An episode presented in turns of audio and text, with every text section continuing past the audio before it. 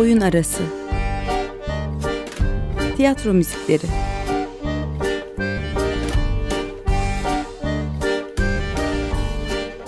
Hazırlayan ve sunan Emre Gümüşer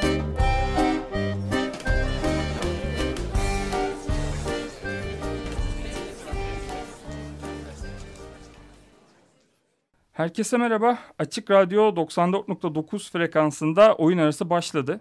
Oyun arasında bu programda müzisyen Tolga Çebi ile sohbetimize kaldığımız yerden devam ediyoruz. Tolga Çebi bu yıl en iyi sahne müziği dalında aday gösterildiği Afife ödülünü Nora Bir Bebek Evi adlı oyunla kazandı. Biz de ilk programımızda Afife'yi ve Nora'yı konuştuk. E, aslında pek de kronolojik ilerleyemedik. Yani e, kimdir Tolga Çebi, oyun müziği yapmaya nasıl başlamıştır, müziğe nasıl başlamıştır bunları konuşacak çok fazla fırsatımız olmadı. E, biraz bunlardan bahsedelim isterseniz. Müziğe nasıl başladığınızla başlayabiliriz. En baştan mı? E, Malatya'dan. Peki çok eskiymiş. Orayı hatırlayamıyorum. Üç yaşında oradan ayrılmışız çünkü. E, orada sadece tek hatırladığım masanın üzerindeki horoz. Ee, şöyle abi e, galiba 5-6 yaşlarında Bursa'da Bursa'ya tayin olmuştu. Annem babam ikisi de üniversite hocasıdır. Ee, Bursa'da ilkokulda başladım müziğe onu hatırlıyorum. Ee, orada Mehmet Kuzu vardı. Ee, müzik öğretmenim. O bana bir flüt al, aldırttı. Anneme yani. Ondan sonra ben annemin çamaşır yıkarken hep kafasının etini yerdim. İşte küçük kurbağa falan diye besteler yapardım. Hatta onu, onu da hatırlıyorum. 6 yaşındaydım falan. 6-7 yaşlarında yani o parçayı TRT Çocuk Korosu'na gönderdi Mehmet Kuzu. Ee, o orada okundu. Öyle ilk ilk bestem o. Ondan sonra da müzik hiç bitmedi. Yani orada başladım. Sonra e, Çanakkale'de e, ilkokulu Çanakkale'de bitirdim. O dönemde de Yılmaz Küçük Öncü vardı. Eğitim Yüksekokulu'nun müzik hocasıydı. Gazi'den mezun çok iyi hocalardan biridir kendisi. Onunla keman ve piyanoya başladım. Yani ben konservatuvara gitmeden evvel biraz keman ve piyano çalabiliyordum. Ondan sonra e, tabii ki kesinlikle koleje gitme niyetim yoktu. Direkt konservatuvara gitmem lazımdı. Baş, annemler zaten çok destekliyordu. Buralarda hiçbir sıkıntı yoktu. Konservatuvarı kazandım keman bölümüne girdim Ankara Devlet Konservatuvarı'na 1984'te. Ondan sonra Ankara Devlet Konservatuvarı bitti. Ee, ben ne yapacağımı bilmiyordum işin doğrusu. Ee, tek bildiğim operada çalmak istemediğim, konservatuvarda hocalık gibi bir şeye de çok aslında sıcak bakmadım.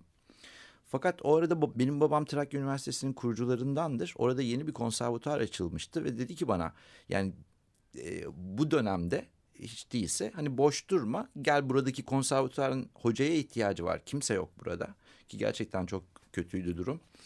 Trakya Üniversitesi Devlet Konservatuarı Edirne'de. Ki babanız da enstrüman falan çalıyordu. Çalar, yani öyle çalar. bir e, aile ortamı Yani benim ailem müzik konusunda kabiliyetli bir aile. Profesyonel müzisyen olmasa bile içlerinde babam saz çalar, kemençe çalar.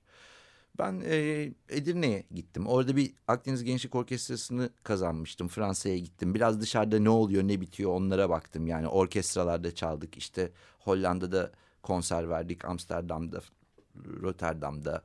Akdeniz ülkelerini dolaştık. Bir Lübnan, Beyrut. O, evet Beyrut çok yani. güzel bir Beyrut maceramız var. Efendime söyleyeyim. Herkesin kendi dilinde konuşup birbirini anlamaya çalıştığı 20 milletten. Öyle güzel e, bize bağdım vardı evet. Sonra konservatuara hoca olarak girdim. Daha sonra hatta sanatçı kadrosuna da başvurdum. Onu da aldım. Üç yıl orada hocalık yaptım. Hocalığı sevmememe rağmen. Ee, sonuç itibariyle yaptığım şeyi yapmak yani orada çocuklarla şey ben de öğrenci olduğum için hani işim çok üstüne düşmek zorunda kaldım. Orada bölüm başkanlığı da yaptım. Ee, yerli sazlar ve keman. O arada yüksek lisansa başladım burada Mimar Sinan'da rahmetli Nuri İyicil'le. E, fakat e, son yıl böyle çok radikal bir karar. Ben dedim yani ben bu işi yapmak istemiyorum. Orada birazcık da hoca gelmeye başlamıştı Trakya Üniversitesi'ne. Ben dedim bütün bunları bırakacağım. İstanbul'a gideceğim. Ne yapacağımı da bilmiyorum. Yani hani istifa edeceğim. İstanbul'a gideceğim.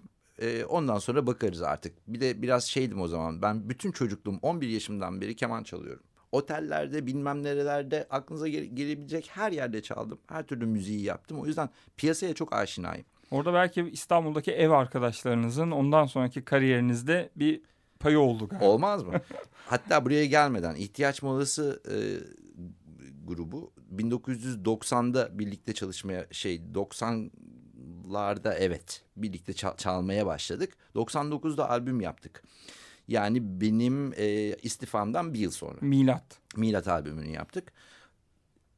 İhtiyaç molası her zaman hayatımda çok önemli bir yeri var. Şimdi de var, hep olacak. O ayrı bir kul var. Ee, ama ben müziğin tek bir dalında, tek bir şey e, tarzında ya da işte sadece dizi, sadece tiyatro, sadece müzik prodüksiyonlarıyla uğraşmak istemedim. Hepsini yapmak istedim çünkü hepsi çok güzel, hepsi çok zevkli. Bir de her yaptığınız işten bir şey öğreniyorsunuz. Ki ben yani drama müziği yapıyorum. Yani filmlere, dizilere, tiyatroya müzik yapacaksam bir sürü şeyi bilmem lazım. Caz da bilmem lazım, e, halk müziği de bilmem lazım, sanat müziği de, Hint müziği de bilmem lazım. Yani her şeyden birazcık bilmem lazım. O yüzden hani tiyatro bu, bunun için harika bir okul. Yani Berkeley'e gitseniz bu kadar e, e, harika imkanları bulamazsınız. Yani çünkü size dakika başı birisi al da buna da müzik yap demiyor. Ama burada mesela Türkiye'de o zaman bence ciddi de bir boşluk vardı tiyatro müziği yapan müzisyen sayısı konusunda. E, bu benim çok işime yaradı. Bu tabii 90'ların sonu sanırım değil evet, mi? Yani 90'ların sonunda. ilk e, Bakırköy Belediye Tiyatrosu'yla oyun Başladım. müziği yapmaya başladınız. Profesyonel manada ilk orada başladım. Aynı anda müzik prodüksiyonları da yapıyorduk. Yani e, işte Burak Bora, Feridun Düzağaç, e, Düz Murat Sokağı Yılmaz Sakinleri, Yıldırım. sonradan Murat Yılmaz Yıldırım. E, bayağı bir şey var orada yani. Ben bir yandan e, işte bazı albümlerin e, süpervizörlüğünü yapıyordum. Bazılarında sadece keman çalıyordum. Kimisinde yaylı düzenlemeleri yapıyordum. Kimisinde gidip onlarla birlikte çalıyordum falan. Böyle bayağı e, nasıl diyeyim hareketli ve yoğun bir zamandı yani. Peki mesela Rumuz Goncagül'le alakalı şey soracağım. Yani ilk programda da konuştuk işte Timur Selçuk'un orijinal besteleri falan kullanıldı diye. Ee, müziğin işte orada çok meşhur parçalar var. Dul'un şarkısı, Halit Rezaki'nin şarkısı. Yani müziğin oyunun Oktay Arayıcı'nın metninin önüne geçtiğini e, söyleyebilir miyiz? Yani müziği çok güçlü olan işlerden bir tanesi Türkiye'de en azından. Veya aynı şeyi ben e, işte Henry Gibson'in Per Güntün için Greg'in yaptığı müziklerde de yani G- Greg'in müzikleri e, belki oyunun önünde. önünde olabilir. Ya o, o iş için e, ben de size katılıyorum. Fakat Rumuz Gonca Gül'ün ke- teksti de çok e, öndeydi. Yani işin doğrusu ben Timur Selçuk'un yaptıkları, yaptığı müzikler çok belirgin. Yani o oyundan çıktıktan sonra herkes onu söyler. Unutmaz yani. Öyle, yani işte öyle- ek- ekonomi bilmecesi. Yani hani Evet, oyun evet. müziği olduğunu belki bi- bi- Bilmezler tabii. Nereden biliyor? Onun normal şarkı olduğunu düşünebilirler. O kadar iyi iş gerçekten. Fakat e, ben en azından böyle bir şey hissetmedim. Yani şu, tekstin önüne geçtiğini hissetmedim. Te- tam tersi teksti çok desteklediğini hissettim. E, ama yine de hani e, bu konuda ben e, ben müzik konusunda birazcık daha hani şeyim. E, yani tekstin önüne geçmesi çok hoşuma gitmez. Mesela benim başıma gelseydi çok hoşuma gitmezdi. Bunun ne Timur Hoca'nın ne de bir başkasının da çok hoşuna gideceğini zannetmiyorum. O işte de e, pek öyle hissetmedim işin doğrusu. Ama eğer o iş üç tane enstrümanla değil de koca bir orkestrayla çalınsaydı ne olurdu? Ha, işte o, o zaman bilmem. O zaman işler değişebilirdi. Çünkü çok primitif haliyle bile yani bu üç tane enstrümanla çok basit düzen- düzenlemelerle bile çok etkiliydi. Yani bir de bu o kadar büyük bir orkestral olduğunu düşünün. Etkisi bunun on katı olabilirdi. İşte o zaman tekstin önüne geçebilirdi belki de. Peki daha sonrasında işte yine çok meşhur size ödül getiren oyunlardan bir tanesi de Bertolt Brecht'in Seşuan'ın iyi insanı. Sezonun iyi yani. Ee, insan, evet. Ali Taygun rahmetli Ali Taygun'un yönettiği oyun. O oyun da çok zevk, zevkli bir dönemdi İlk yani. Brecht'ti sanırım sizin için. Hatta son Aslında Brecht ben- miydi onu da soracağım ama Şöyle e, hayır son Brecht değil ondan sonra bir tane daha bir şey daha yaptım. E, hatırlamıyorum şu an ama ondan evvel Üç Kuruşluk Opera'nın fakat burada değil Ankara Devlet Konservatuvarı'nda okul oyunuydu bu. Okulun e, lisans öğrencilerinin oynadığı bir oyunla biz geldik burada İstanbul'da turne yaptık. Benim ilk aslında profesyonel tiyatro işim odur. Ya, profesyonel derken okulda yaptığımız bir iş ama aslında profesyonel olarak onu oynadık biz buralarda. ki onun da müzikleri çok belirgindir. Lottie. Lanya'nın, Louis Armstrong'un falan aynı Sustalım Ek şarkısının versiyonu. Tabii tabii tabii.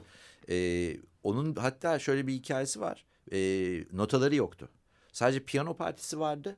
Biz bayağı e, Burak Tüzün'le, şimdi kendisi şeftir, orkestra şefi Ankara'da, e, Eskişehir'de. Ee, onunla birlikte yani piyano piyano partisinden dinleyerek işte e, enstrümanları böyle bayağı kafamıza göre yerleştirdik. Sonra ben baktım başka kayıtlarını dinledim. Doğru yerleştirmişiz falan. Benim ilk ilk biretim odur. Ha. Ama ilk özgün biret çalışmam evet Sezua'nın iyi insanı. Orada da Ali Taygun faktörü var. Ali abi öyle sözler yazdı ki ona. Ve Ali Bey e, gerçekten rahmetli e, müzikten çok iyi anlayan bir adamdı. Biliyorsunuz daha sonra e, lirik tarih gösterisini falan da Ali abi yaptı. E, Ali abi müzikten çok anlar. Ne istediğini çok bilir. Çok iyi bilir. Bana, bana da o kadar kolay oldu ki o iş. Yani o bana e, sözleri verdi. Tiyatroda hiç unutmuyorum. Tolga sözler bu. Bak bu, bu böyle bir sahne o, oynadılar. Bu böyle bir sahne oynadılar. Abi resmen orada ben onu yaptım. Ben dedim ben bunu yaptım zaten ben gideyim kaydedeyim. Yani tersine dünya e, şey Sezua'nın iyi insanı e, müzikal bakımdan tersine dünyadan bile kuvvetli olabilir bence. Yani o, o iş çok özel bir işti. Tersine dünyayla arası da yakın galiba. Biri Çok 2005 yakın. diğeri 2007 falan Evet, gibi. evet. Ee, şeyde se, sezon iyi insanında e, Cahit Berkay'la ödülü paylaştınız. Paylaştım. Evet, Ee, o- evet, O da Sabahattin Ali'nin eserlerinden uyarlanan bir işti sanırım Rutkay Aziz'in yönettiği. evet. Ee, Benden daha iyi hatırlıyorsunuz vallahi bravo. Teşekkür ederim. Ama e, Afife'yi ilk aldığınız iş aslında Tersine Dünya. Tersine sanırım. dünya evet. Onun da e, sözlerini yine oyunun yönetmeni Turgay, Turgay Kantürk'le beraber o zamanki e, reji asistanı Emrah Eren Evet. e, yapıyorlardı. Evet. Evet. E, şimdi isterseniz burada müzik arası verelim. Tamam. E, bir Seşua'nın iyi insanından bir parça dinleyelim. Ardından da e, Tersine Dünya'dan bir parça dinleyelim.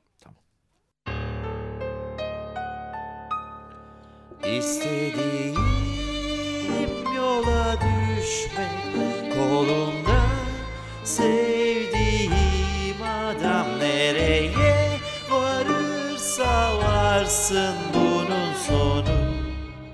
Aldırma aklın yolu mudur bu yol? Konu edip tartışma o da beni bilmesem de hiç yılmam.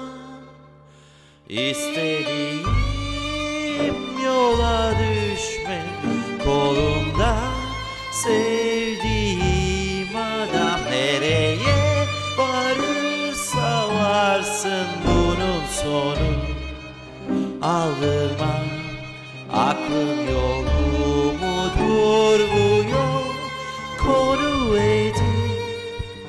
tartışma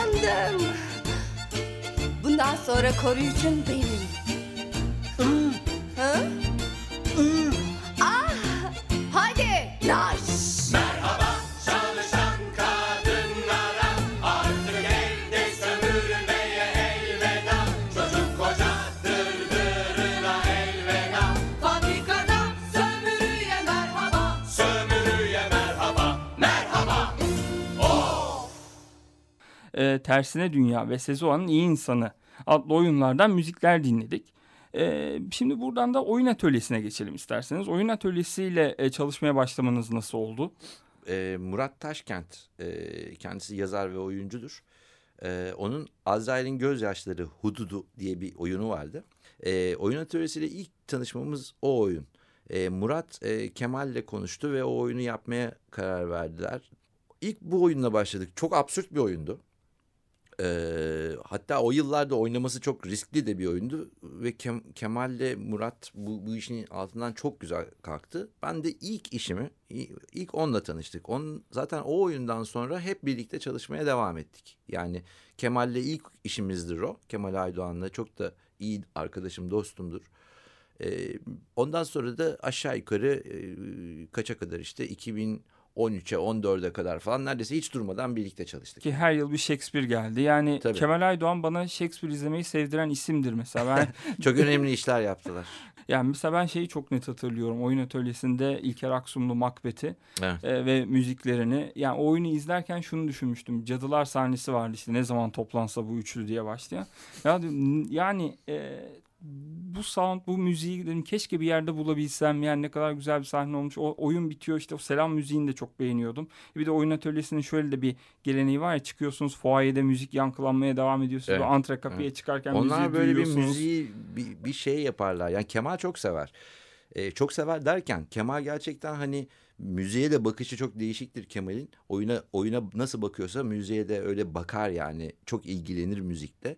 Ve bana mesela Kemal neredeyse bütün oyunlarımızda yaptığımız neredeyse bütün işlerde üvertür var yani. Her şey bir müzikle başlıyor. Çoğunlukla. Yani böyle olmadığı da oldu ama Mesela Don Juan'ın üvertürü falan çok ak- Evet. aklımda kalan Evet. melodilerden bir tanesi yine. Bak mesela Nora da öyledir. O da üvertürle. Üvertürle giren e, şeyler, e, ön oyunlar. Eğer başarılıysa seyirciyi oyuna sokmada çok e, etkili oluyor. Çok işe yarıyor. Yani seyirci bir anda o dışarıdaki sokakları bilmem neyi nereden geldiğini gerçekten unutuyor. Yani müziğin zaten böyle bir etkisi var eğer becerebiliyorsak. Belki şimdi çok alakasız gelecek size ama e, ben televizyonda yapılan dizilerde bile jenerik müziği başarılı olan işlerin daha çok izlendiğini falan düşünüyorum. Yani Doğru, şimdi doğru, evet. üvertür deyince e, Evet. o geldi aklıma. Öyle. Yani gerçekten hani müzik konusu e, eser açısından çok önemli ve dediğiniz gibi oyun atölyesi buna ekstra Önem önem veriyordu. Evet. Yani e, hatırlıyorum ya salondan işte o antre kapıya çıkarken Macbeth'in müziklerinin hala çalıyor olması işte o zaman onu düşünüyordum. Ya bu cadıların müziği işte Macbeth'in müziği nereden bulurum nereden bulurum? Birkaç yıl sonraydı galiba. Yani Macbeth 2010 olsa 2012 falandı albümün çıkışı. Çıktı. Evet. Ve Ankara'da Karanfil Sokak'ta yürürken dostun yanında bir tane müzik e, evi vardı. Orada gördüğümü hatırlıyorum. Sahne müziği 1-2 ki çıkacağım falan duymamıştım. Öğrenciydim. Hani öğrencilik refleksi şeyi sorarsanız ya, kaç para ne kadar falan. Bir şey yok. Bunu. Sormadınız. Şanslıymışım. Yani o albümü 2012'nin Şubat'ı falandır yanlış hatırlamıyorsam. Doğrudur, Oradan doğrudur. Evet, aldığımı hatırlıyorum Karanfil Sokak'tan. Hala da Karanfil'den geçerken bir oraya bakarım falan yani. Yeni bir şey yapmışım bunlar diye. E, peki bir de şeyi soracağım. Mesela e, işte dijital yayınlananlar, CD e, yayınlananları falan konuştuk. Shakespeare müzikali de aslında DVD olarak yayınlandı. Evet. E, ama DVD haricinde onun dijitalde yayınlanması falan gibi bir şey e, Var. söz konusu mu? Hatta ben şöyle bir şey yaptık. Şimdi içinden 20 tane 20'ye yakın şarkıyı ben seçtim, kestim ve e, verdim pasaj müziğe. Onun DVD'sini yayınlayan da pasaj. Pasaj onu yayınlamış olmalı. Yani Yayınlamadı. o zaman yay- bu aralar yayınlayacak yani Ha, ben verdim. Onlar on, onlar da yalnız oyundaki haliyle bunlar.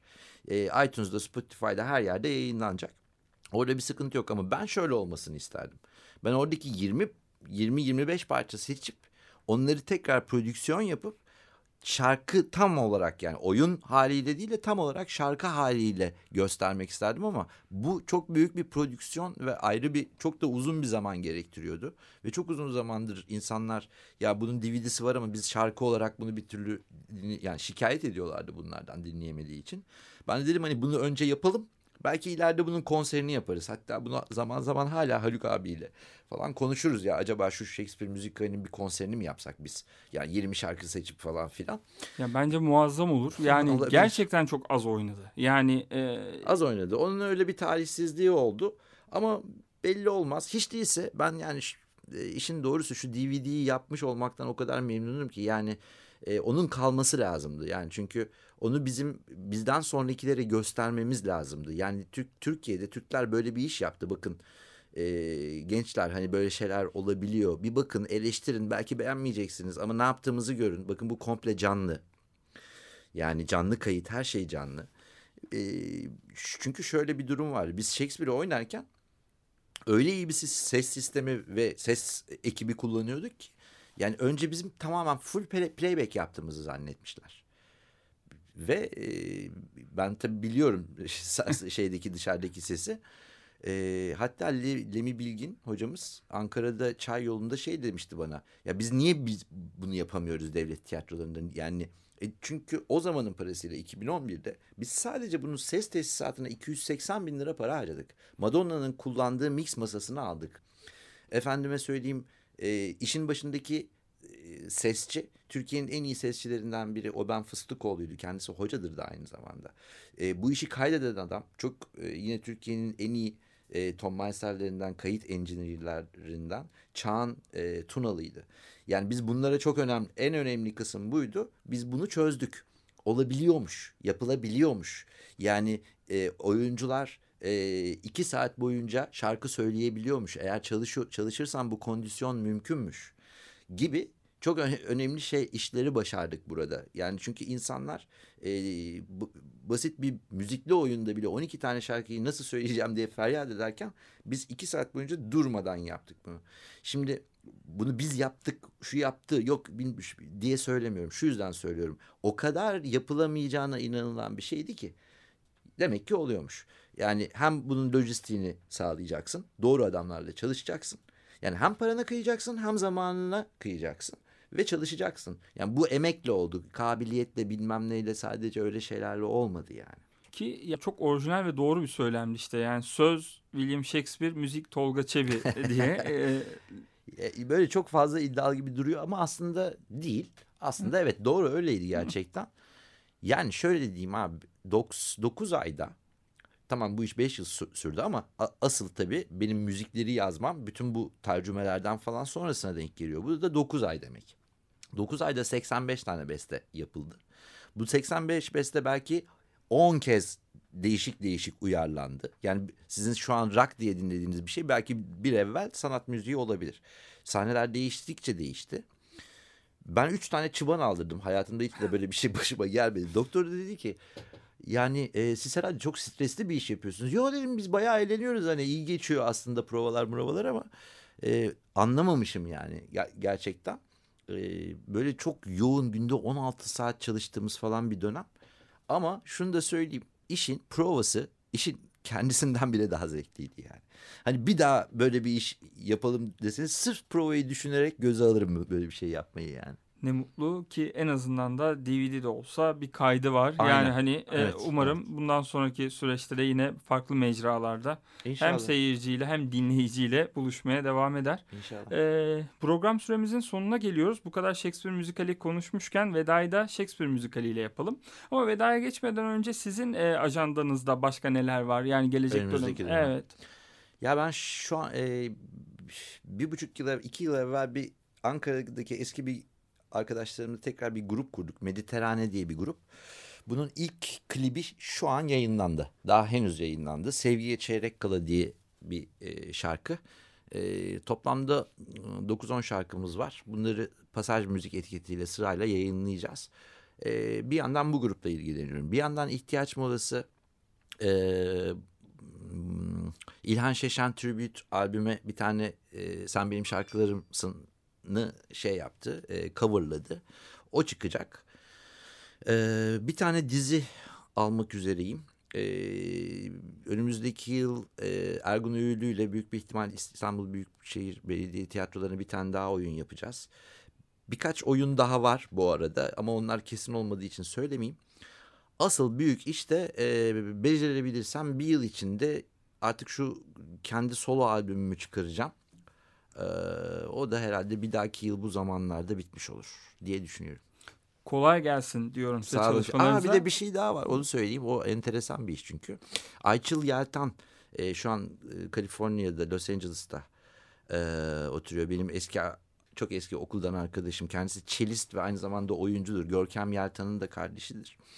Ayçıl e, çok enteresan bir belgesel çekiyor Amerika'da. E, Amerikalılarla birlikte. Belgeselin konusu da nü modellerin, nü modellik yapanların hayatı. Bir de onun o belgeselin galiba müziğini yapacağım. Önümüzdeki dönem bu. Ee, kolay gelsin Teşekkür diyorum. ederim, sağ olun. Tekrar geldiğiniz Aynen. için de çok teşekkür Ben ediyorum. çağırdığınız için teşekkür ederim. Ayrıca bu programı yaptığınız için teşekkür ederim. Aa, rica ederim. Estağfurullah. Şimdi kapanışı Shakespeare müzikaliyle yapalım. Shakespeare müzikalinin de finalinde yer alan, daha doğrusu finalinde de yer alan e, S.U. Lakett'tan beğendiğiniz gibiden bir bölüm.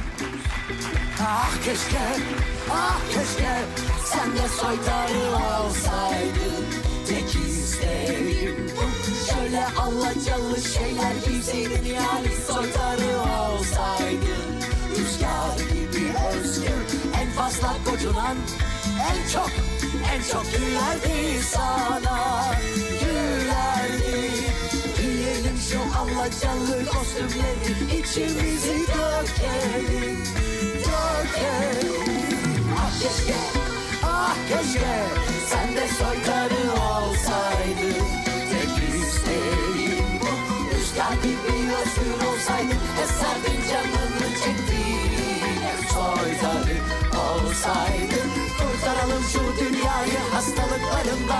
Yeter ki katlansınlar acı ilaca Giyelim şu alacalı kostümleri içimizi dökelim Dökelim Ah ah keşke Ah keşke Oyun arası. Tiyatro müzikleri.